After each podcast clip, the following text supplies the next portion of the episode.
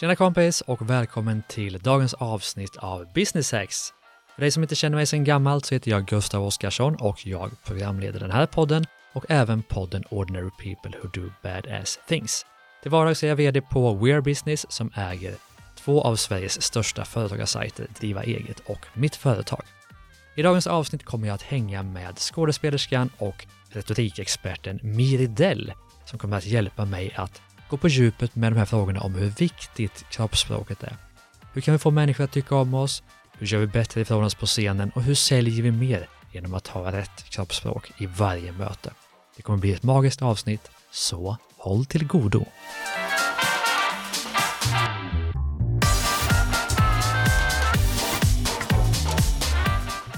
Härligt! Välkommen Miridell till eh, Business Hacks! Härligt Gustav! Tack för att jag fick vara med. Ja men självklart, det var länge sedan vi såg, så är läget?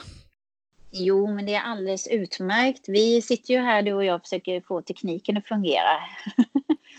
att... Ja men precis, du är, du är ju i Marbella just nu. Just nu är jag i Marbella. Här har jag min sambo och min son som går i skolan. Vad härligt, det låter ju helt magiskt och det är härligt att få ha min första gäst med på, på länk på Skype.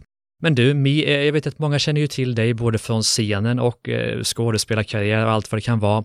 Men ska vi ta en liten, innan vi går in på ditt specifika ämne, ska vi ta en liten recap för de som inte känner dig sedan gammalt. Vem är du? Vem är Miridell? I fem meningar.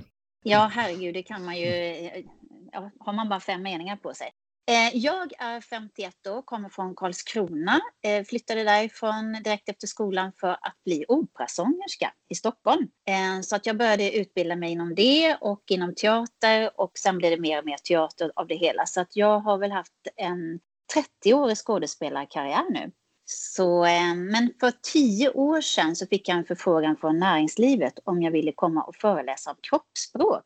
Och då tänkte de utefter hur vi jobbar på teatern då med kroppen och rösten och, och eh, hur man tar en scen och så vidare.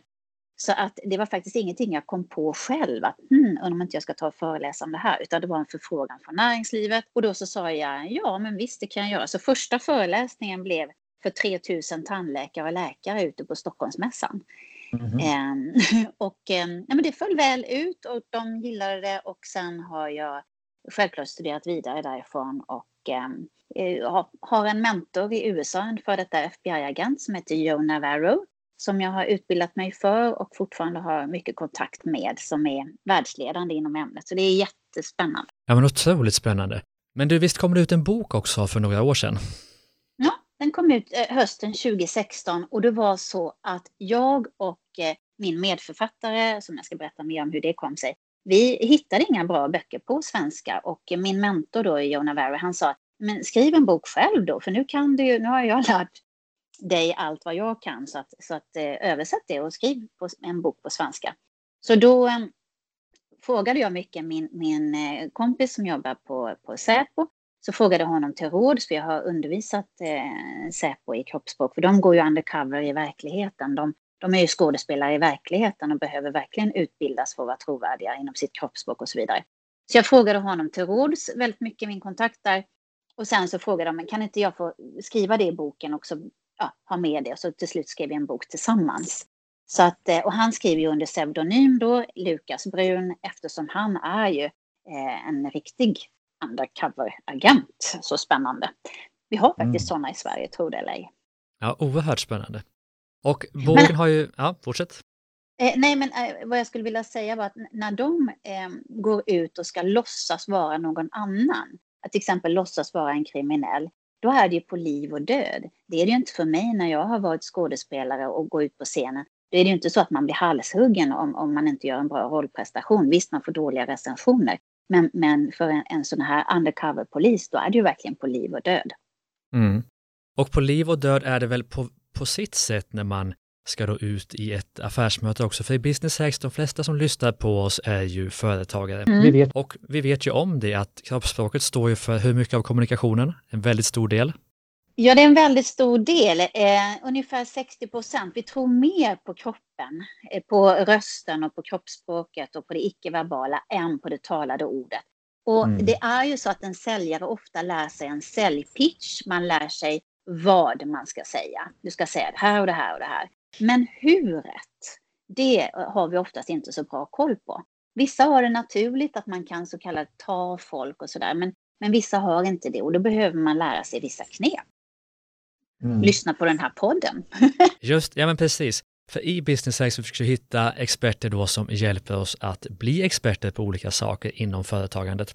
Och idag ska vi då ägna oss åt kroppsspråk och mitt mål med vårt samtal det är ju att vi, när podden är slut, ska ha en, en strategi för hur vi som företagare och företagsamma människor generellt kan använda vårt kroppsspråk för att ta oss eh, dit vi vill och för att påverka såklart eh, andra människor. Så att, ska vi börja där någonstans? Kan vi hitta, ja, tror, att det, tror att det är möjligt att hitta en trestegs, femstegs någonstans eh, eh, variant av hur man ska bete sig i kroppsspråket? Ja, och säljarna idag måste förstå att de är än mer viktiga.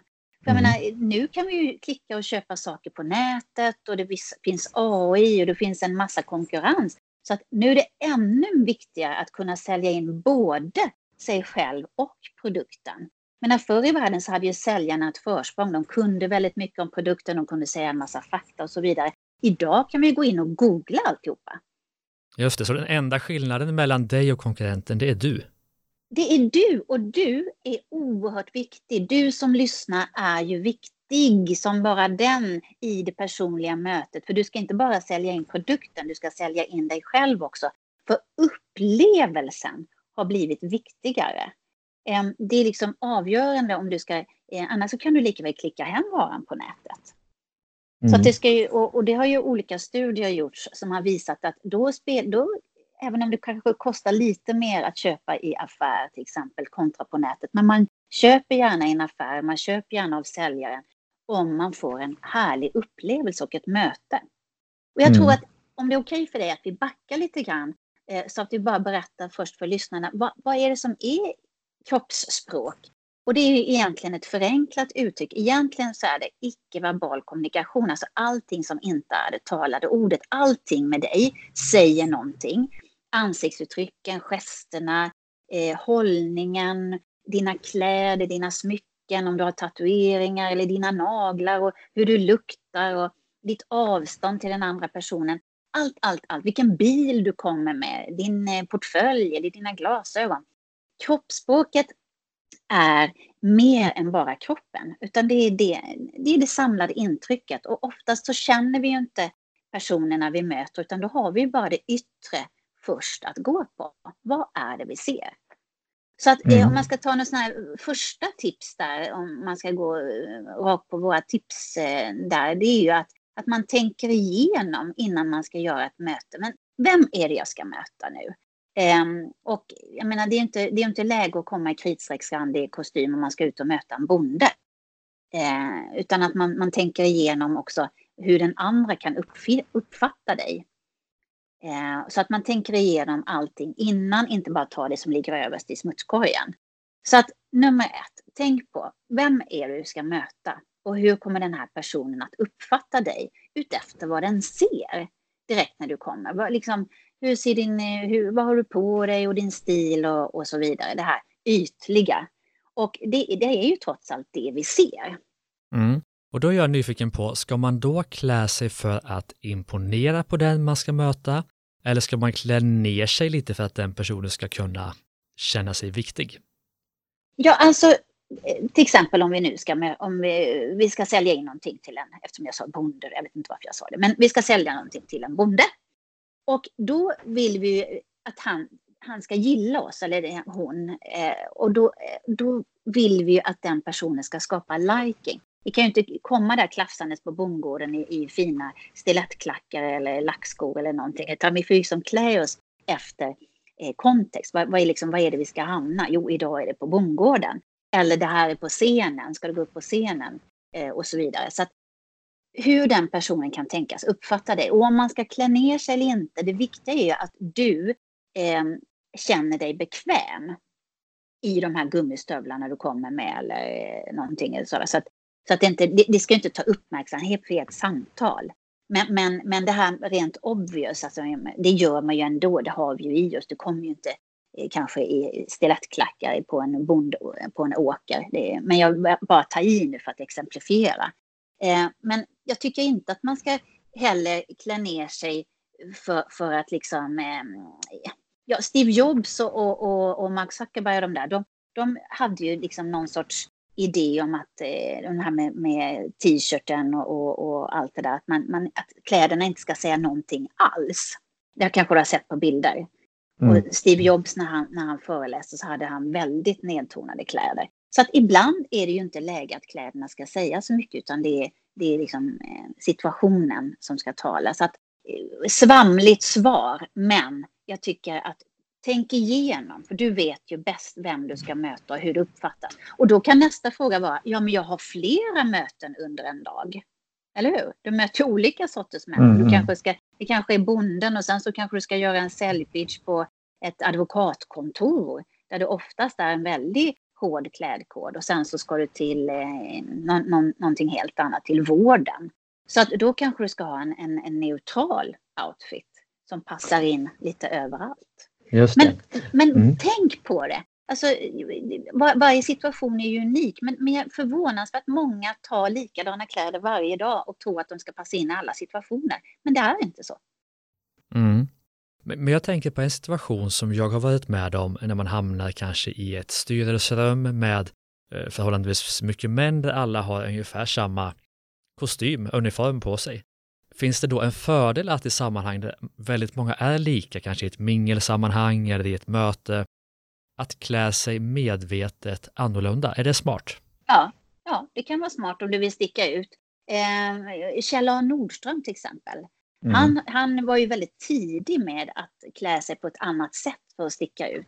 Eh, men det, efter situationen, vill du sticka ut? Jag menar det finns eh, en kompis till mig har eh, olika färger på strumporna och det kan ju bli en liten snackis eh, när det upptäcks. Det är ju subtilt men eh, eller komma i en knallorange kostym. Jag menar, då, då, ja, men det är han i den knallorangea kostymen, då, då syns man ju. Så, att, eh, så det är ju inte fel. Eller man ser på Robinson eller någon att vissa har någon sån här huvudbona som blir deras signum. Så att man, mm. man kan liksom, ja, men det är han som alltid har, ja men Gustav, ja men det är han som alltid har och så vidare. Så att det kan mm. bli också ett sätt att bli ihågkommen. Just det.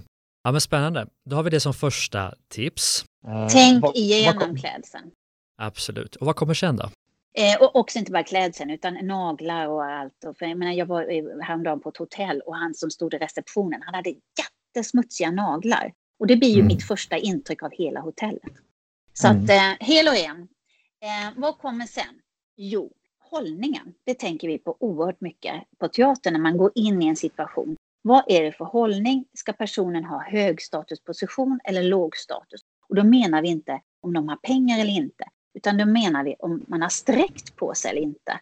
Och när man sträcker på sig och visar vad vi inom teatern kallar glada punkten, man visar medaljen, säger idrottsmännen. När man sträcker på sig, då sänder man en icke-verbal signal till andra att nej, men jag, det är liksom, man, man utstrålar självförtroende. Men vad forskarna har visat också, det är att man får en extra dusch testosteron. Alltså kroppens egna kemiska processer sätter igång. För kroppen tror när du sträcker på dig att du har en bra dag. Och den hjälper sig själv. Så man får en liten, en liten dusch och, som står för jävla anamma och beslutsamhet.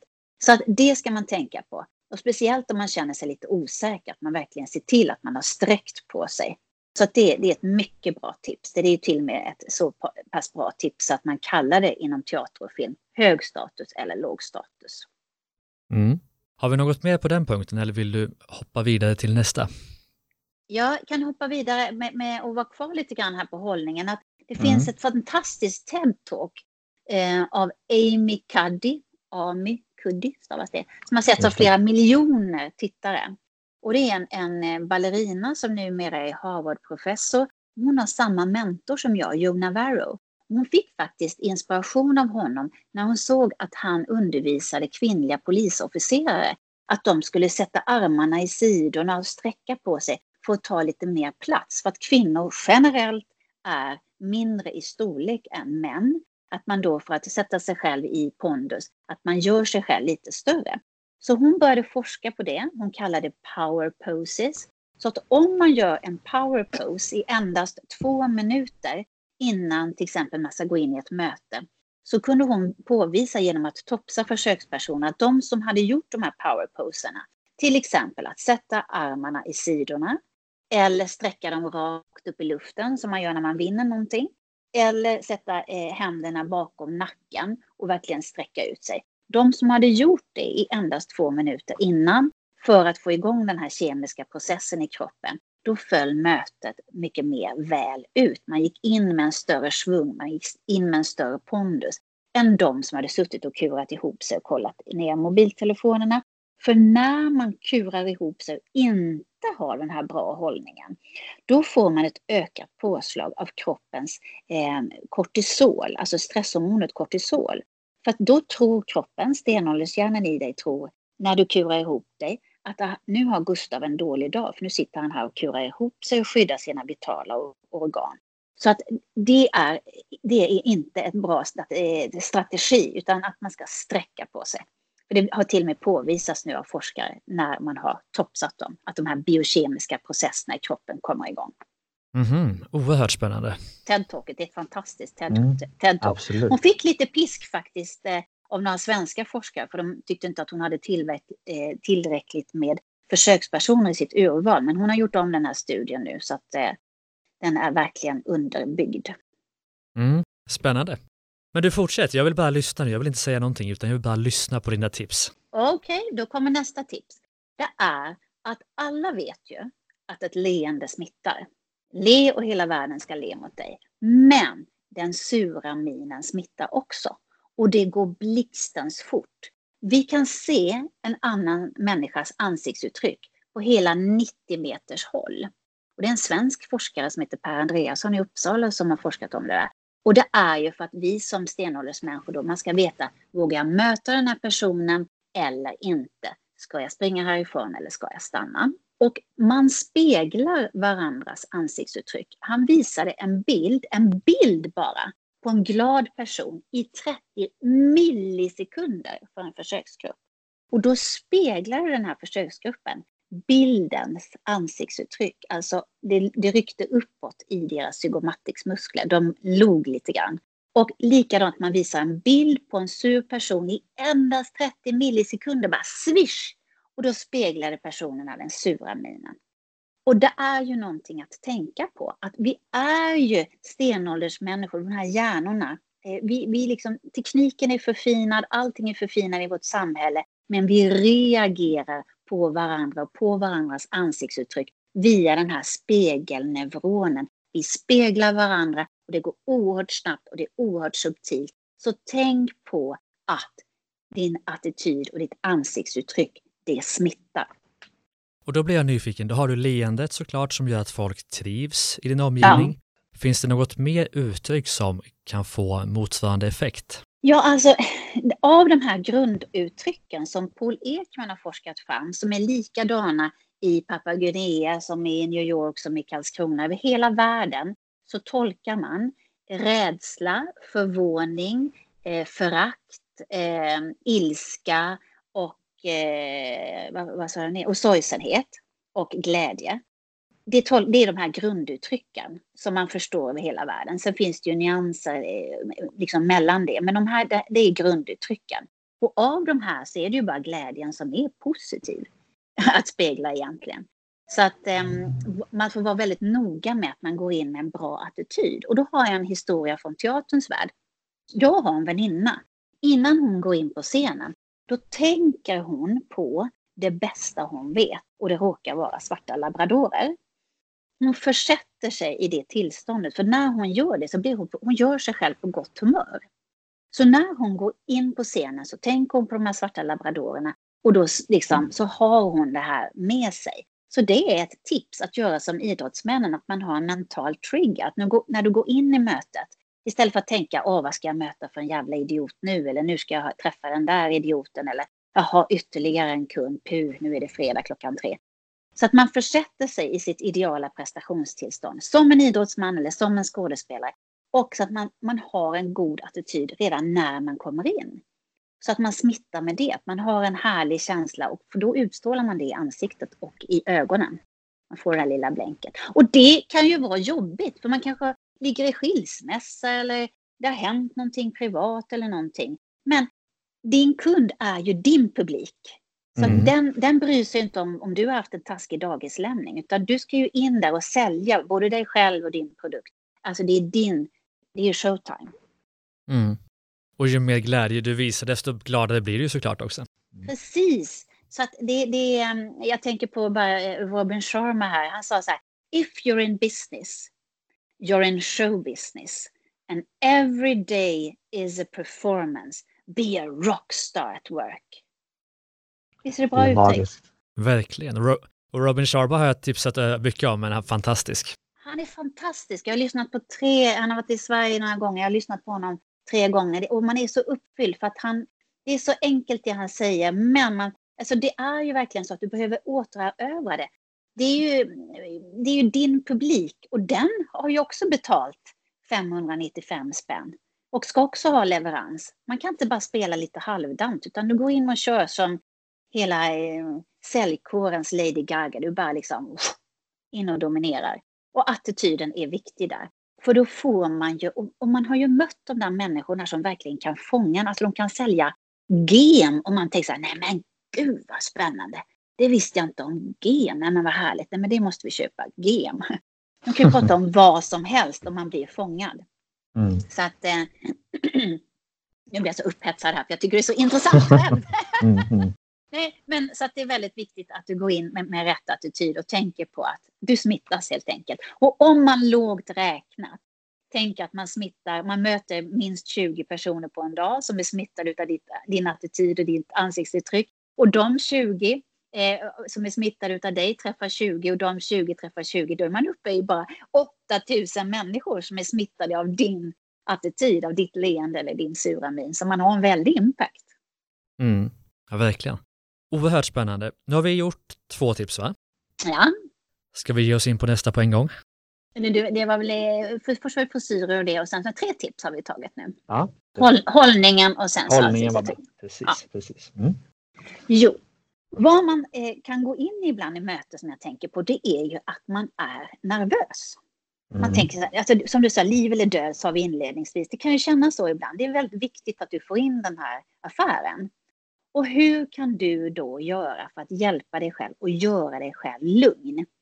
Ja, dels så använder man det alltså, i det här autonoma nervsystemet. När jag blir nervös, jag menar, vissa svettas, jag menar, när jag blir nervös så hoppar mina knän och man kan få de mest konstiga reaktioner. Vad har du för reaktion när du blir nervös? Vad brukar du göra? Vad har jag för reaktion? Jo, jag gäspar. Ja, och ja. Det, du gäspar ju för att din stenåldershjärna, du vill syresätta dig. Mm. Eh, så att någonting har vi och vissa människor börjar stamma, man kan rodna, eh, börja eh, klicka med en penna, du vet det är oerhört. Klick, klick, klick, klick, klick, klick. Mm. Mm. kan ju grumsa kommunikationen och göra att den andra inte hör vad du säljer utan bara tänker på att hålla på och fibbla med pennan. Eh, jag kan också hålla på väldigt mycket med mitt hår och så vidare. Så att tänk igenom vad är det jag brukar göra när jag blir nervös? Så att man är medveten om det. Och kanske om du inte vet det så kan du kanske fråga någon kollega. Du, har jag något tics eller har jag någonting som jag brukar göra när jag står och kör en dragning eller talar inför andra? Och då får man oftast höra det. Så det är ett bra tips. Hur kan du då lugna dig? Jo, du ska tänka på din andning. För det är det enda i det autonoma nervsystemet som du kan viljestyra. Så det är inte för intet som man säger ta tre djupa andetag. Och då menar man ju andetag med magen, att du går undan. Och det behövs ju bara vara kort. Du behöver inte sitta och meditera en halvtimme, utan du går undan, du går in på toaletten när du gör dina power poses och också lugna dig själv med andningen så du får ner den. För när man blir nervös, och då åker ju andningen upp och då åker rösten upp och då åker axlarna upp och då blir, det, då blir du väldigt oskön att stå och lyssna på. Och då, speciellt som tjej, vi tjejer har en ljus röst redan från början.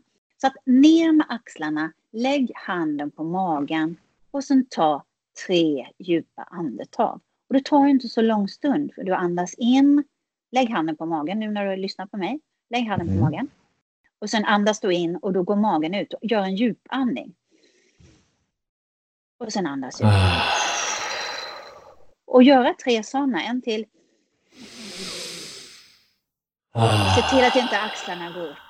Utan håll axlarna ner och bara magen ut. En till. Och sen. Så du har ner. Och vad som händer då per automatik, det är att rösten, ja, precis, du får ner din andning och du får ner rösten till ditt röstläge där det ska vara. Så du går in och verkar så kompetent och lugn som du är. Mm. Så att det, det är ett bra tips. För ibland så kan man slida in och man tänker liksom att man får en blackout och så vidare. Men tänk på att lugna dig själv med andningen och det tar inte så lång stund. Mm, mm. Så, och, och, mer, mm. och mer tycker jag med, med eh, att om du vet med dig då till exempel sådana här lifehacks, att, som jag till exempel som får hoppande knä när jag blir nervös. Gå inte in med, på mötet med en kort kjol utan ha brallor på dig, då syns inte det, då behöver du inte tänka på det. Om du får mycket ansvett och du vet med dig att du får det när du blir nervös, ha en kavaj då eller en, någonting över så du vet att det inte syns, så att inte det stressar dig. Om du vet med dig att du blir så här flammig på halsen som jag kan bli när jag blir nervös, ja men ha någonting som täcker halsen då. Kör polotröja eller liksom skjorta och knäpp upp. Om du vet med dig att du blir väldigt torr i munnen, det kan man bli eh, när man blir nervös. Gör som, som på teatern då, att du biter dig lite försiktigt i tungspetsen så får man igång sal salivutsöndringen. Istället för att du ska gå in på mötet och dricka bara. Du vet de som, som skrapar triss i tv, de, bara liksom, de dricker ju, de är med en och en halv minut och skrapar triss och så bara dricker de liksom halva tiden för de blir så nervösa. Mm. Så att om du, om du vet mer att du, du ska gå in på det här mötet och det är väldigt viktigt att du verkar lugn och trovärdig och kompetent. Så att, att man har lite sådana tips och tricks. Och då brukar någon fråga så här, ah, ja men jag rodnar ju väldigt mycket. Det är ju någonting, det är svårt att dölja hela ansiktet på grund av att man rodnar. Men det är ju sällan eller aldrig någon dömer en annan människa på grund av att man rodnar. Utan det är ju någonting som man störs av mest själv. Så att man, man tänker okej okay, nu rodnar jag, men, rådnar jag, men det betyder bara att jag är medveten om att jag är här. Att man försöker komma över eh, det här. För att ansiktet är ju svårt att dölja. Och har man en situation där man till exempel blir filmad, vilket väldigt många är nervösa för, ta lite puder då så att inte du framstår som en, en röd paprika. Utan ta lite puder i ansiktet, det finns oftast människor som kan hjälpa en med det. Så att man ser lugn och kompetent ut i rutan, för man blir oftast lite rödare i bild också. Så mm. att eh, man, man, man tänker till lite grann för att hjälpa sig själv i stress, mm. stressade situationer. För ibland har man ingen aning om när, alltså den här stressen och nervositeten kan ju slå till när man minst anar det. Igår var jag inte ett dugg nervös när jag gjorde dragningen inför tio personer. Och nu idag ska jag göra samma dragning inför 20 och då helt plötsligt så tappar jag tråden och svamlar. Och, så att eh, andningen, lär dig den. Men det är intressant, vi kan ju flika in det just i det här tipset för att många är ju nervösa för att gå upp på scen och hålla ett föredrag eller vad man än gör på scenen. Finns det något extra tips för dem som känner så? Ja, gå inte upp oförberedd.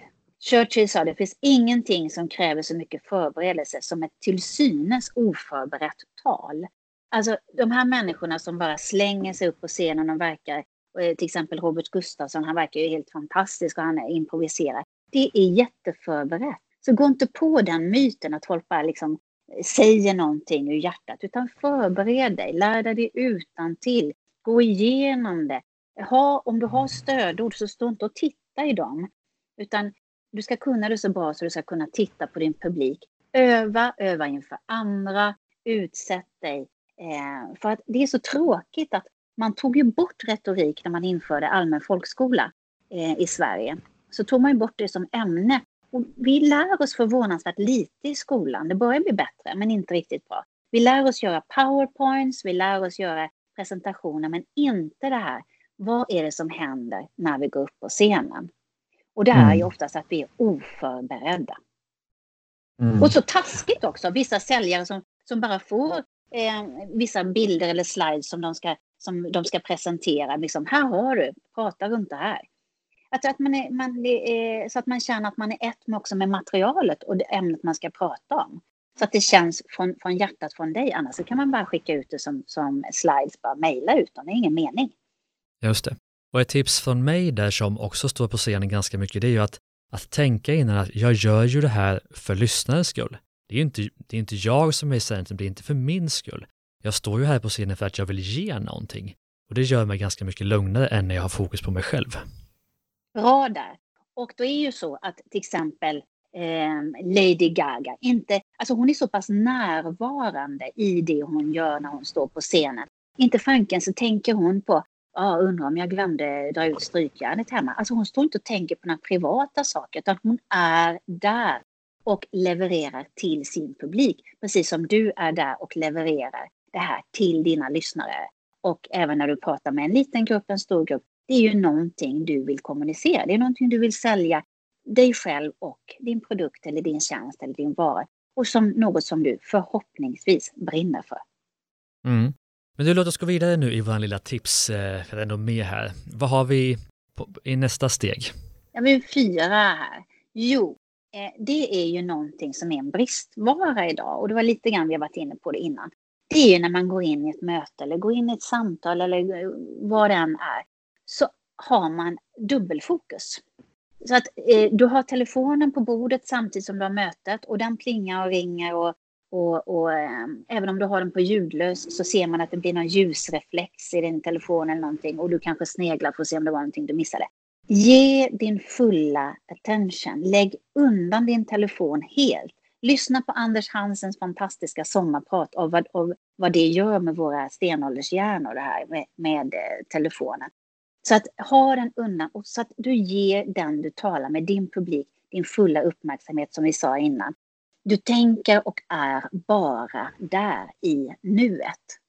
Eh, och när du gör det, då kan du till och med visa med, med din kropp, liksom, när man är extremt på, när man är liksom närvarande, då lutar vi oss omedvetet eller medvetet ofta framåt. Att man är lite framåtlutad, att man visar intresse och engagemang med sin kropp genom att vara framåtlutad. Genom att ta blick, genom att våga möta blick. Och det är ju någonting idag som, som framförallt unga människor har svårt för. Och det är ju att möta blick. Och då tror ju forskarna att det beror på att, att de spelar och leker eh, skuldra mot skuldra, att de tittar ner i sina datorer och sånt mycket, att man inte lär sig att kommunicera ansikte mot ansikte. Så att respekt heter det, återtitta. Sitt mitt emot och försök verkligen sitta mitt emot den du säljer in dig själv, din, din tjänst, din, din produkt till och ha så lite emellan dig och din, eh, den du kommunicerar med som möjligt. Sitt inte bakom en, ett skrivbord eller något sådant, utan sitt så att ni kan sitta och se varandras eh, kroppar eh, till fullo. Eh, och eh, ett litet så här, mm, överkurstips är att försöka spegla den du kommunicerar med kroppsspråk. Mm. Men har, har du en, en, en eh, Duracellkanin som jag som pratar på in och utandning så här jättefort det värsta jag vet är sävliga människor. Alltså då jag tappar liksom, eh, jag tappar farten och jag men, liksom, kom igen, kom till saken nu. Alltså, jag är lite ivrig. Och vet du med det att du är en lite sävligare person, försök att farta upp dig själv till den kundens eh, energi. Eh, för att den, den trivs bäst med, med, att vara i den energin. Och, och tvärtom. Och tvärtom. Om du möter en sån här långsam, sävlig typ, de får ju grupp av sådana människor som jag som bara utan då får jag ju sänka mitt taltempo, sänka min energi och försöka spegla den personen. Det är som att dansa. För annars så blir det liksom ingen bra flow i samtalet. Mm. Finns det några sådana här, det har jag funderat länge på, finns det några sådana små enkla knep i kroppsspråket för att bli omtyckt? Ja, alltså människor älskar ju att eh, oftast är det så att människor tycker om att prata om sig själva. Så att de som blir väldigt omtyckta, det är ju de som är bra på att lyssna. Mm. De sa att Abraham Lincoln, att han var så otroligt eh, bra lyssnare. Man frågade vad är ditt knep? Liksom. Ja, men det är ju att jag låter människor prata till punkt.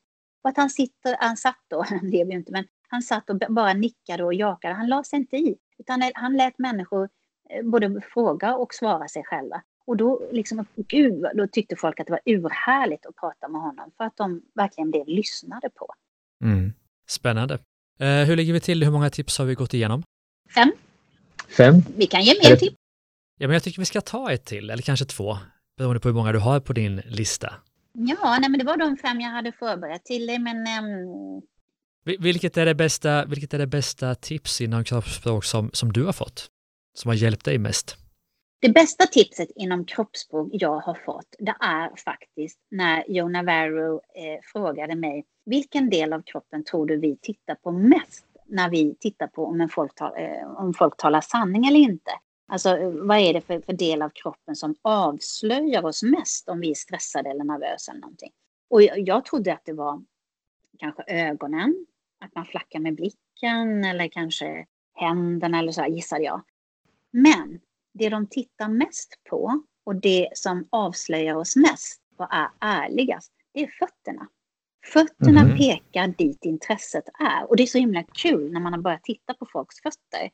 För att um, jag brukar ge ett exempel att jag tittar väldigt mycket på, på TV4 Nyhetsmorgon och, och, där ser man programledarnas fötter och man ser när de har fått liksom en, en cue i örat att de ska gå åt och, och baka cupcakes eh, någonstans. Så sitter man och, och, de sitter och gör en intervju, men så, så ser man att deras fötter börjar vändas åt ett annat håll. De sitter fortfarande kvar och pratar med sitt intervjuobjekt, men man ser att fötterna redan har börjat gå innan de avslutar och har börjat eh, gå mot eh, cupcakesen. Så att mm. fötterna är, de har vi minst koll på och fötterna är väldigt känsloindikatorer. Man har glada fötter, hoppande fötter och spralliga fötter och, och um, nervösa fötter. Så att fötterna är väldigt talande.